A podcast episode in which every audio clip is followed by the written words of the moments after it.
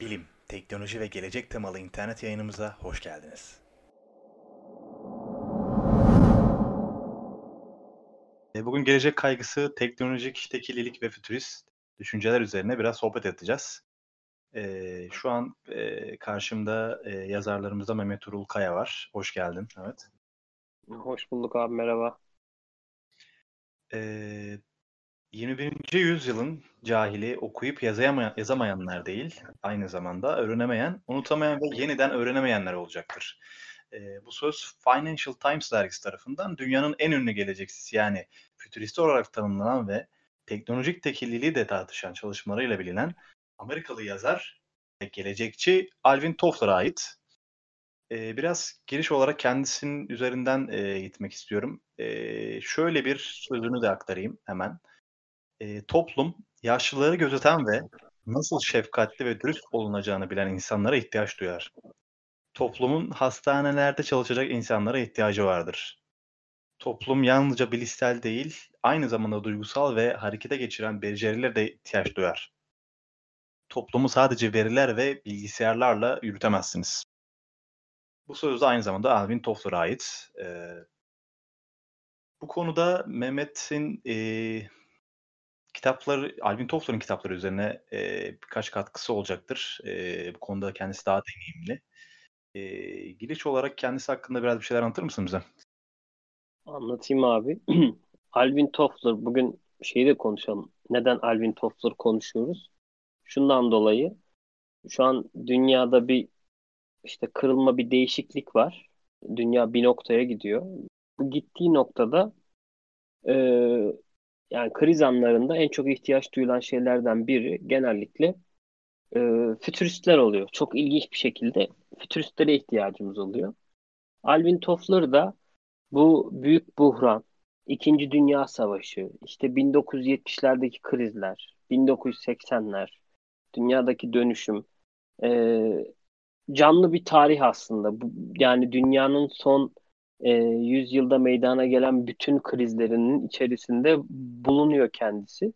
Ve e, yani normalde Alvin Toffler e, Amerika'da dünyanın en ünlü gazetelerinde baş yazar falan ama ailesi mesela bir e, Yahudi gettosunda ölüme terk edilmiş, büyük sıkıntılar çekmişti bir adam. E, dünyayı hem o gözle görüyor hem daha sonrası için e, bu görmüş olduklarını e, aktaracak başka deneyimler kazanıyor. Ve bakıyor dünya sürekli olarak her krizde bir şekilde değişiklik gösteriyor. E, ve bu değişikliğe genellikle şok diyor. En son dediği ifadeyle bundan tabii 55 sene önce falan diyor bunu. E, gelecek şoku, future shock diyor. E, bunu söylemesinin arkasında şu var. Bir yaşam biçimi olarak yeni bir model sunuyor ve buna gelecek diyor. E çünkü Alvin'in Alvin'in yaşadığı dönem dönüşümün çok hızlı olduğu bir dönem. E, kendisinin bazı tespitleri var. İnsanlık diyor 800 yaşam süresi üzerine konumlandırılmış e, bir varlıktır diyor. Yani ortalama diyor hayatımız 60 sene olsa diyor ve biz 800 yaşam döngülük bir periyoda girsek diyor. Yaklaşık olarak 50 bin, 50 bin yıldır insanlık bu dünya üzerinde yer kürenin üstünde sağdan sola soldan sağa gidiyor. Ama diyor insanlık bu son yani bu 800 e, yaşam döngüsünün e, 750'sinde mağaradaydı diyor. Bu 750 mağarada olmasını e, olma hikayesi şu.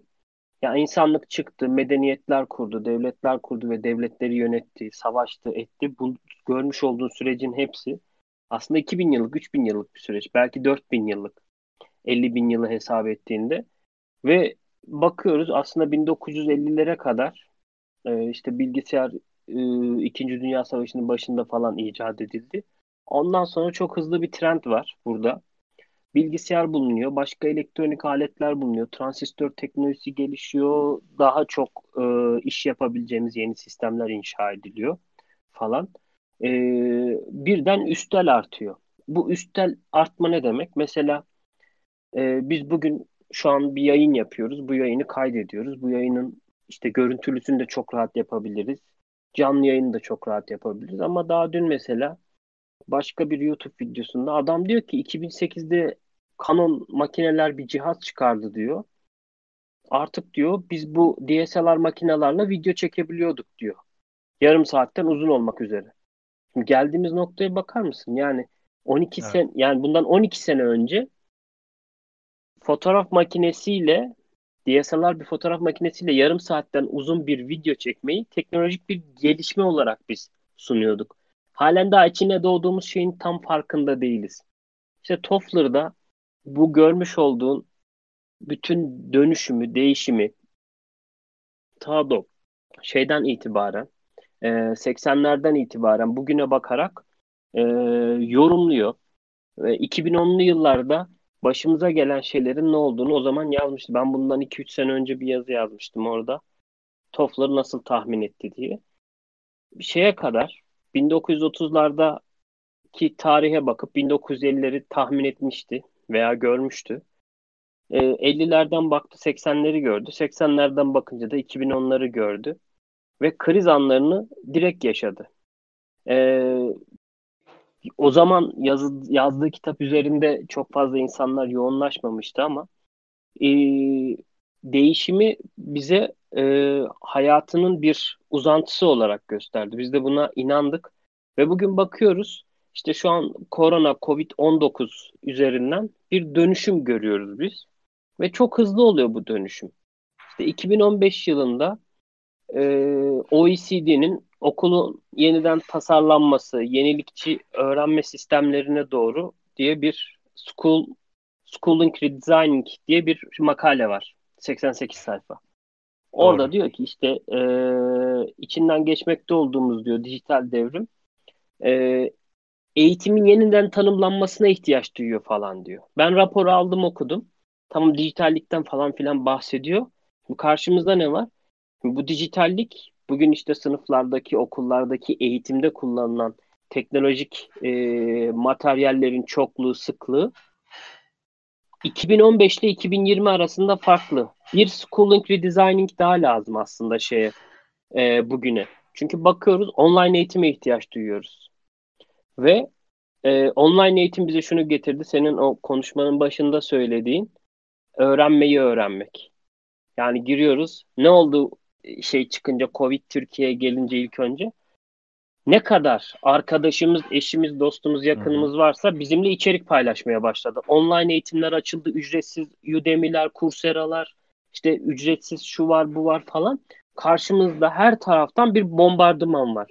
İşte ücretsiz müze gezebilirsiniz. Adam hayatında mesela hiç müze gezmemiş, bakmamış falan. Karşısında birden e, işte kongrezyumu görüyor, bir şeyler görüyor. Oraları gezmek istiyor falan.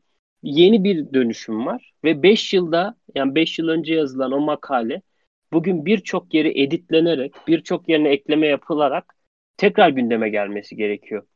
5 yılda e, yaklaşık olarak 25 yılın birikimini biz egal etmiş durumdayız. Başka bir şey konuşmamız gerekiyor artık. Yeni bir şey konuşmamız gerekiyor.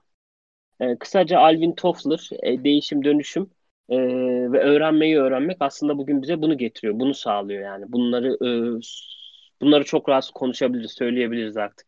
Çünkü bir noktadan bir noktaya gidiyoruz. E, ve gittiğimiz noktada karşımıza çıkan şey şu. Yani biz baskına uğramış gibi davranıyoruz. İşte Covid geldi. Hiç hazır değilmişiz buna. Böyle bir şeye hazır olunmaz zaten de hiç hazır değilmişiz. Ne yapacağız? İşte hemen yeni entegrasyonlar var. Bu entegrasyon biraz kolay oldu. Niye? Çünkü dijital cihazları kullanmak biraz kolay. Yani tablettir, bilgisayardır, cep telefonudur, uygulama üzerinden bir şeyler yapmak falan bugün kolay. Yani bundan e, işte 1917 İspanyol gribi işte veya vebada falan insanlar nasıl adapte oldular bunlarla ilgili çok bir bilgim yok ama bugün e, şu anki krize insanların e,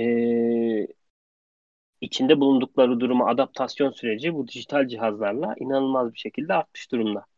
Evet, Ee, çok bu- daha kolaylaştı diyebiliriz yani. Çok kolaylaştı. Bir de e, çok fazla bilgi bombardımanı var.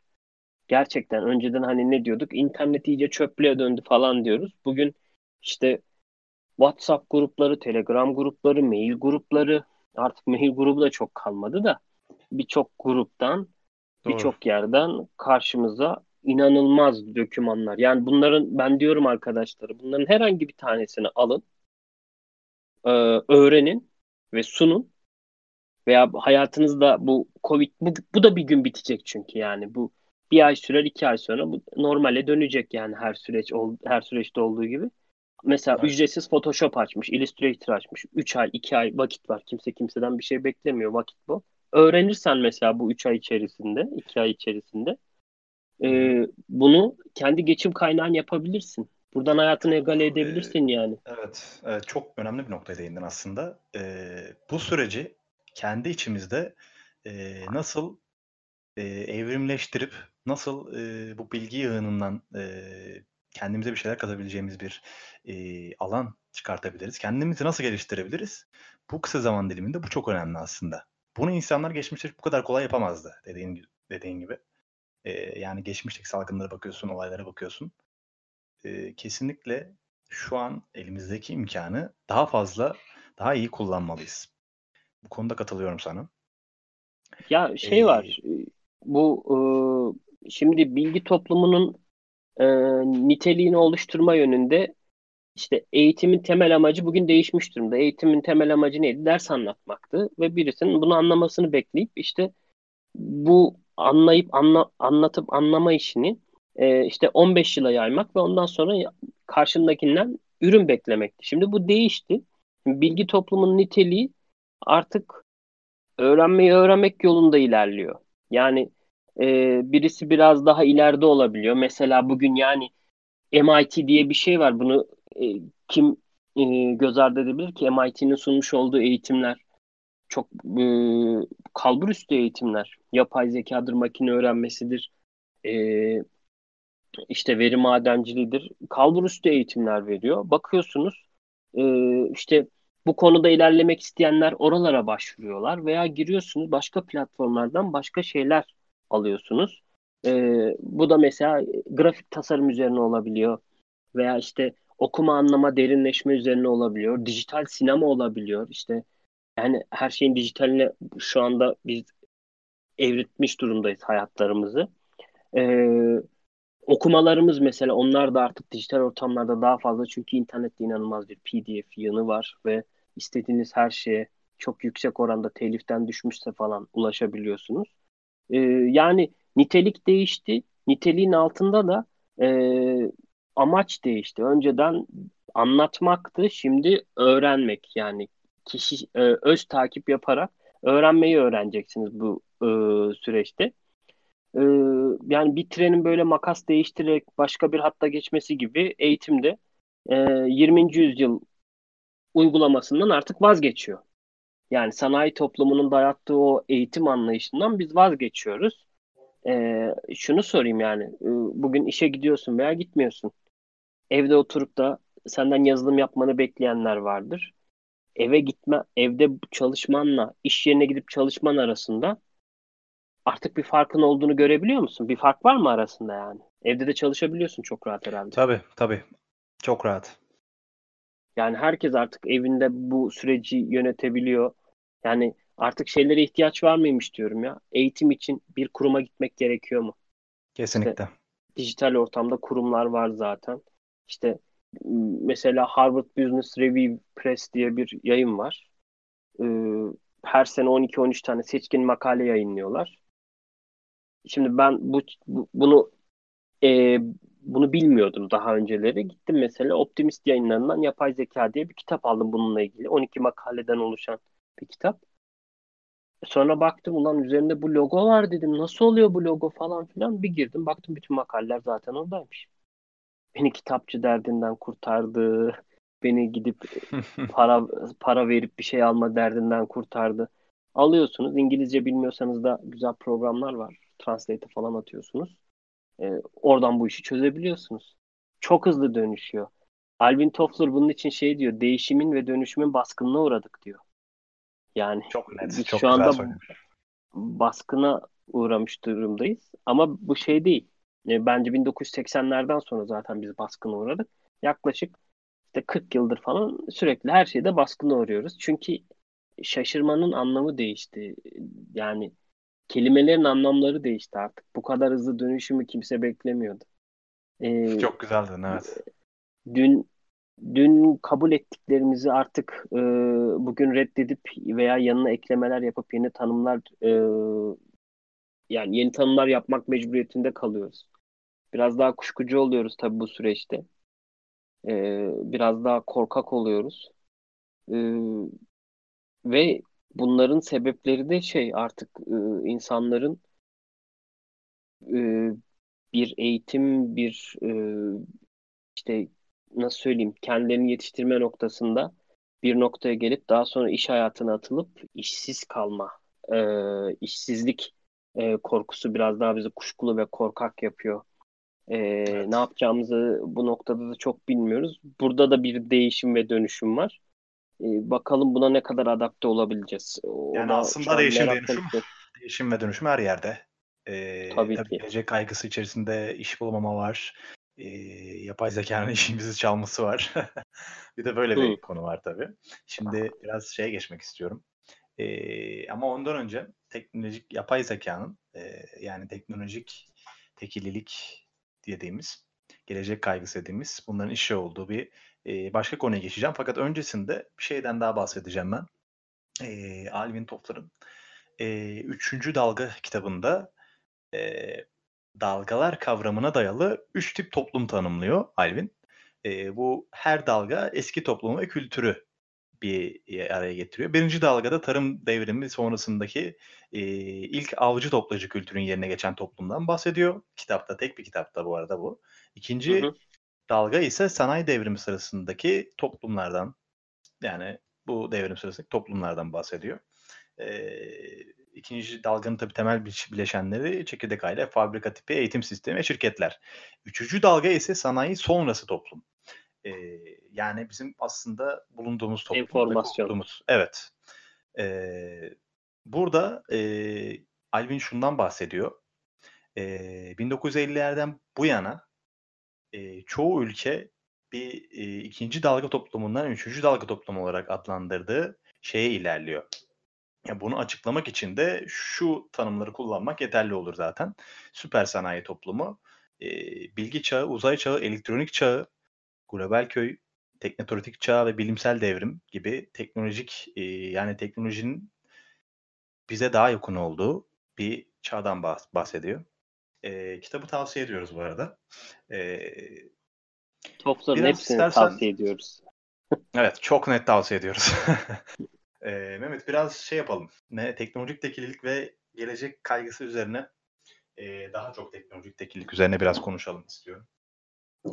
Ee, Tabii ki. Neolitik devrimle başlayıp e, günümüze gelen bu e, yola baktığımızda, bu haritaya baktığımızda teknolojinin yine üstel arttığını söylemiştik.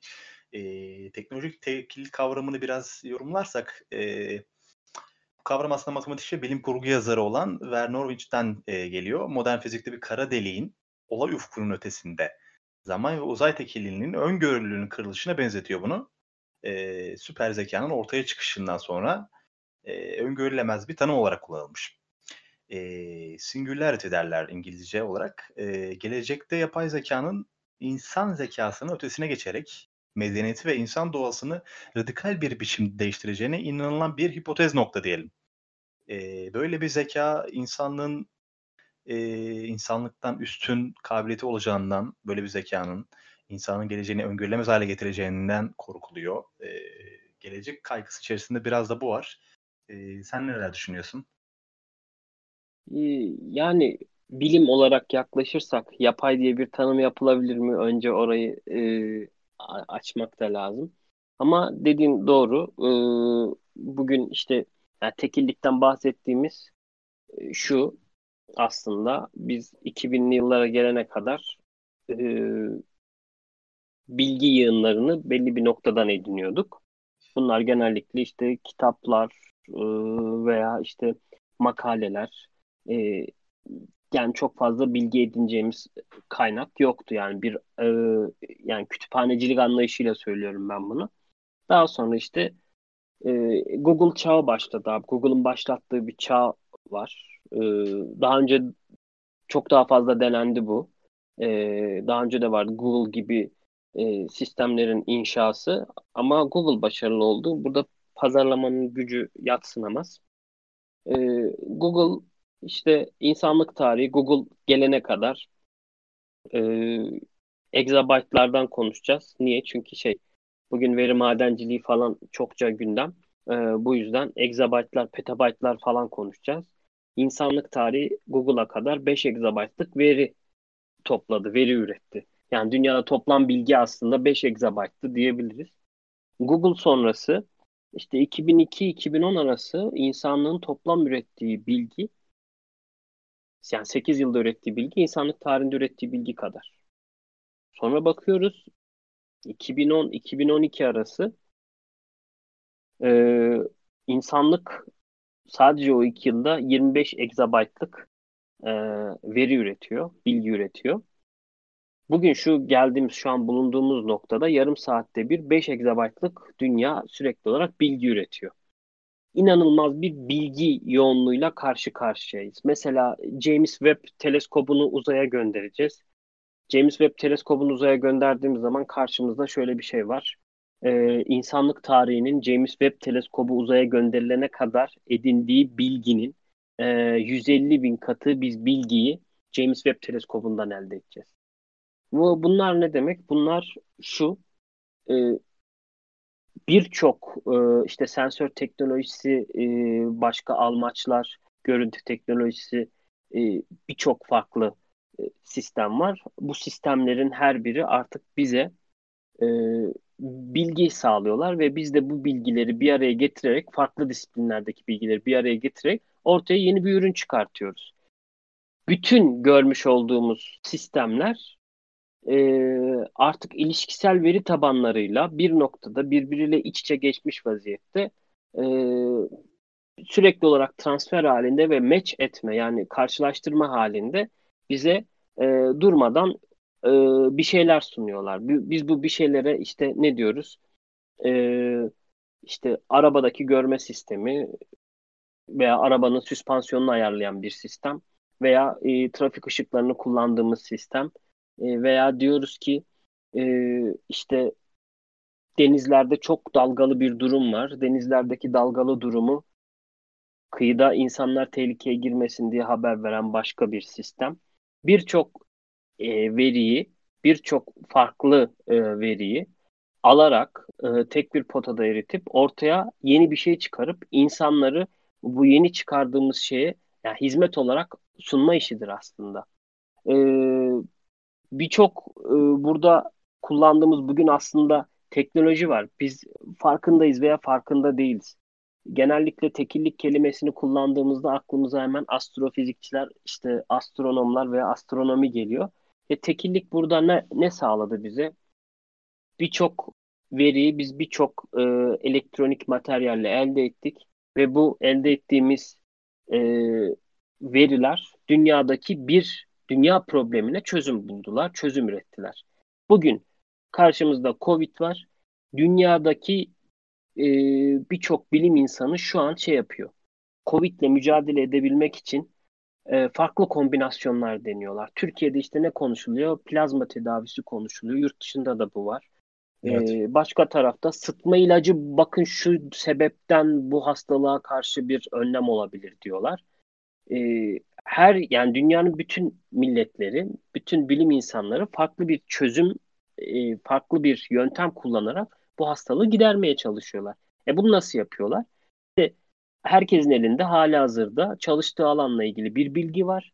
E, bu bilgiyi alıp COVID'i yorumlamaya çalışıyorlar. COVID nereye gidecek? COVID ne olacak? Bunu nasıl giderebiliriz? Bir daha nasıl olmasın? Olmamasının önüne geçeriz. İşte son zamanlarda Çin'in başarısından dolayı e, çokça makale yazılıyor. Bunlardan en önemlisi şu.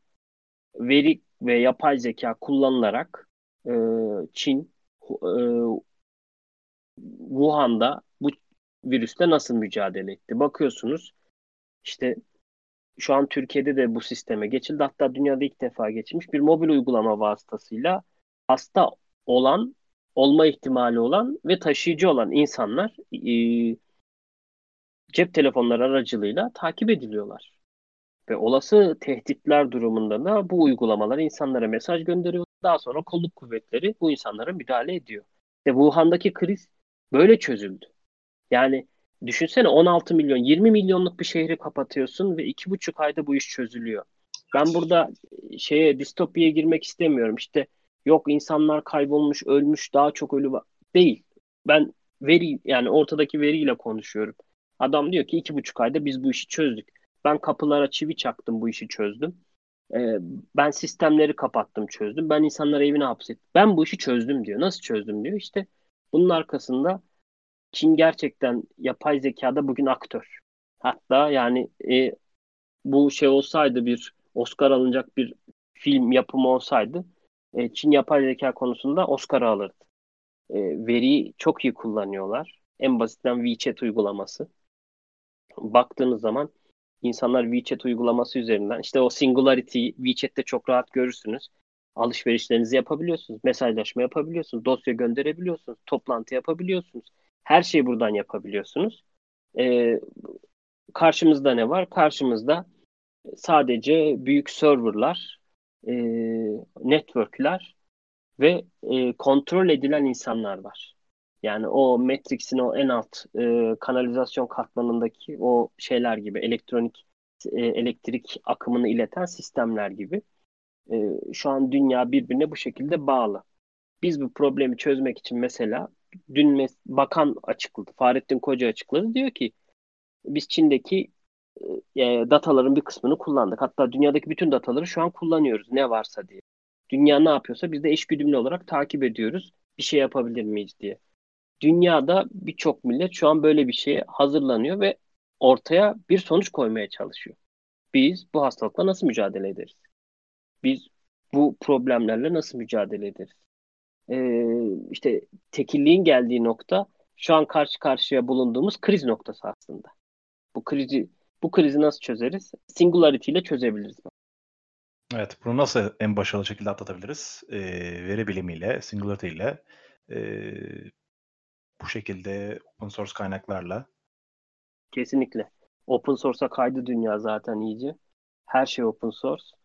Ee, Birçok yere gidemesek de telefonlarımızla istediğimiz herhangi bir müzeyi bugün çok rahat ziyaret edebiliyoruz. İstediğimiz kütüphaneden üyelik alabiliyoruz.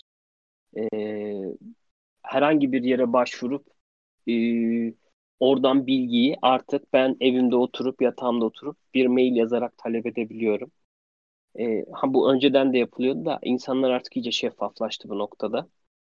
E, bu şeffaflık bize ne getirdi? İşte dünya Covid'den öncekinden çok daha bilgili bir dünya olacak. Bu krizler falan hep oluyor. Yani e, 1930'ların e, bu büyük buhran sonrası e, Amerika'sındaki işsizlik sayısı kadar dünyada işsizlik hiç olmamış mesela. İnanılmaz bir işsizlik var. E, o dönemler aşılıyor. İşte daha sonra işte 2009 krizi var. Bütün şu an ekonomistler şey diyor bize.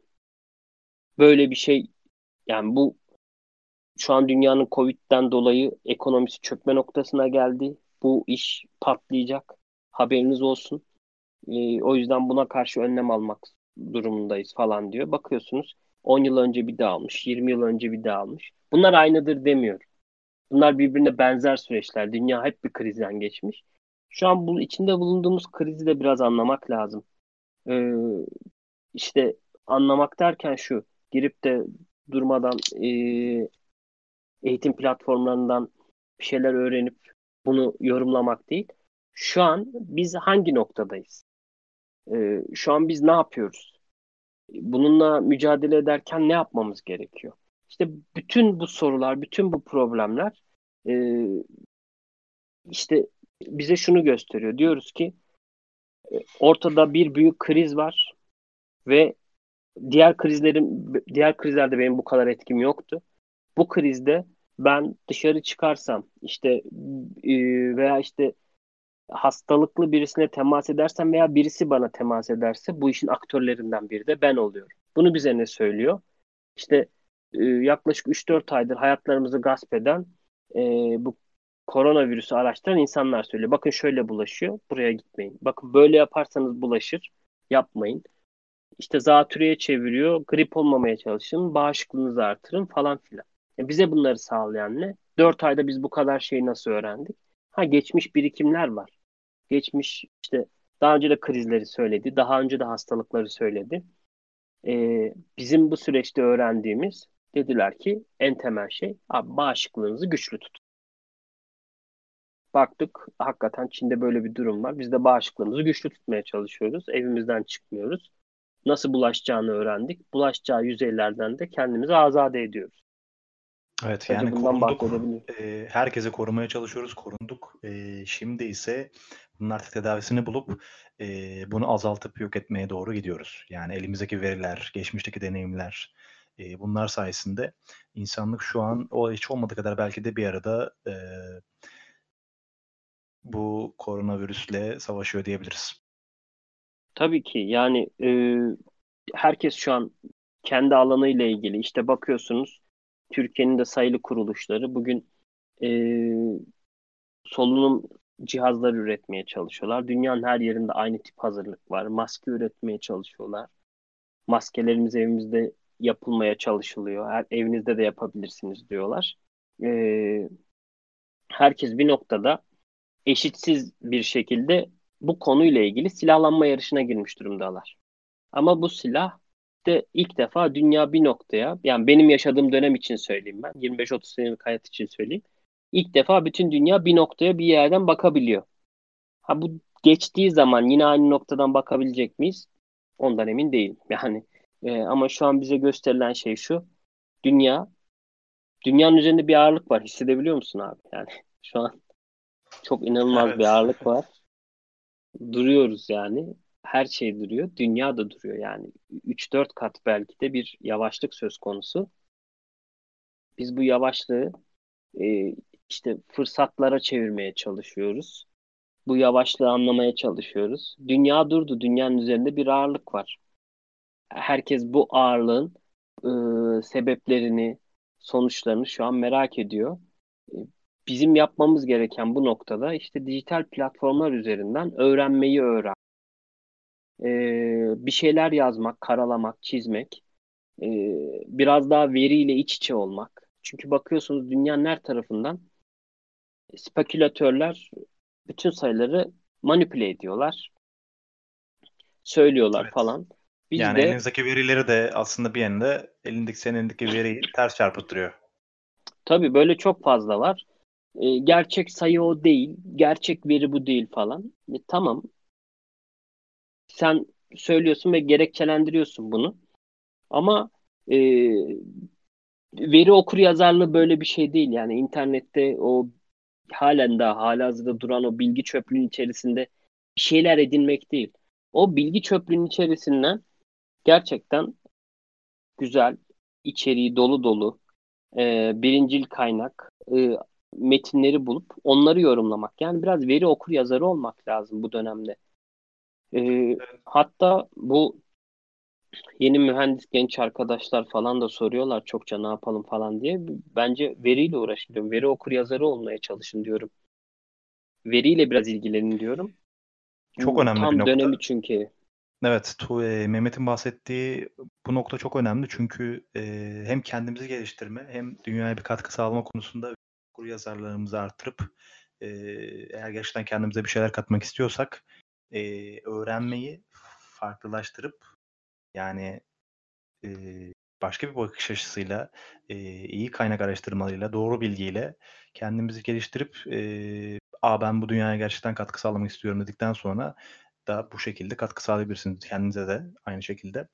E, teknolojik tekililiğin gideceği nokta e, aslında Mehmet'in bahsettiği bu e, geçmişten edinilen bilgi ve e, deneyimlerin sonucunda bugünlere gelmemiz ve daha da ileri gideceğimiz e, bunların hepsini harmanlarsak e, farklı bir noktaya evrilecektir eminim ki. E, yapay zekada tekillilik e, Alvin Toffler Teknolojik tekillilik, gelecek kaygısı ve bunları konuştuk. Eee, Mehmet ben çok teşekkür ediyorum. Çok güzel bir yayın olduğunu düşünüyorum ve faydalı olacaktır umarım dinleyicilerimize. Ben de çok teşekkür ederim. Bu arada Alvin Toffler demişken son bir ekleme yapayım da. Şimdi bu üç, üçüncü dalgadan bahsettik ya. Az önce sen bahsetmiştin. Evet. Bu e, mesela buna dünyada bazı örneklerde verilebiliyor. E, Singapur diye bir toplum var. Bu üç sınıfı tarım sınıfı işte e, sanayi sınıfı ve bilgi enformasyon. Bu üç sınıfı da için, içerisinde barındırıyor. Üç sınıf bir arada hiçbir zaman barınamıyormuş biliyor musun abi? Yani bugün en büyük problemlerden biri de bu. İşte hani üç sınıf bir araya geldiği zaman e, toplum medeniyeti inşa noktasında e, istediği noktaya gelemiyor. O yüzden Singapur'daki model de şey yapmışlar. Bugün bakıyorsun Singapur dünyanın en iyi matematikçilerin, mühendislerin yetiştiği yerlerden biri olma yoluna evriliyor. Tarım sınıfını yok etmişler abi. Makineli tarıma, yapay zeka ile desteklenmiş tarıma geçmişler. Hmm. Ve bugün geldiği noktada işte iki sınıf var. Sanayi tipi ve işte mavi yakanın yok olduğu, beyazın geldiği, beyazın da makineye yakında bu işi teslim edeceği yeni bir sınıf var. Ee, Türkiye için de şöyle bir senaryo var. Bu üç sınıfta mevcut. Biz en alttaki sınıfı en üstteki sınıfla bir araya getirip en alttaki sınıfın e, makineyi efsane olarak çıkarmasından e, kendi hayatına dönüştürmesini istiyoruz diyorlar. Yani makine kullanımına evritmeye çalışıyorlar. E, yakın zaman, yakın gelecek için bu çok mümkün olmayacak gibi. O yüzden bizim de bazı geleceğe yönelik radikal kararlar almamız gerekebilir. Bunu söyleyeyim tarım sınıfı ile ilgili. Evet, teşekkürler eklemen için. Bu da gerçekten Ben de önemli çok bir teşekkür noktaydı. ederim. Ee, Estağfurullah. Çok yayınımız teşekkür burada ederim.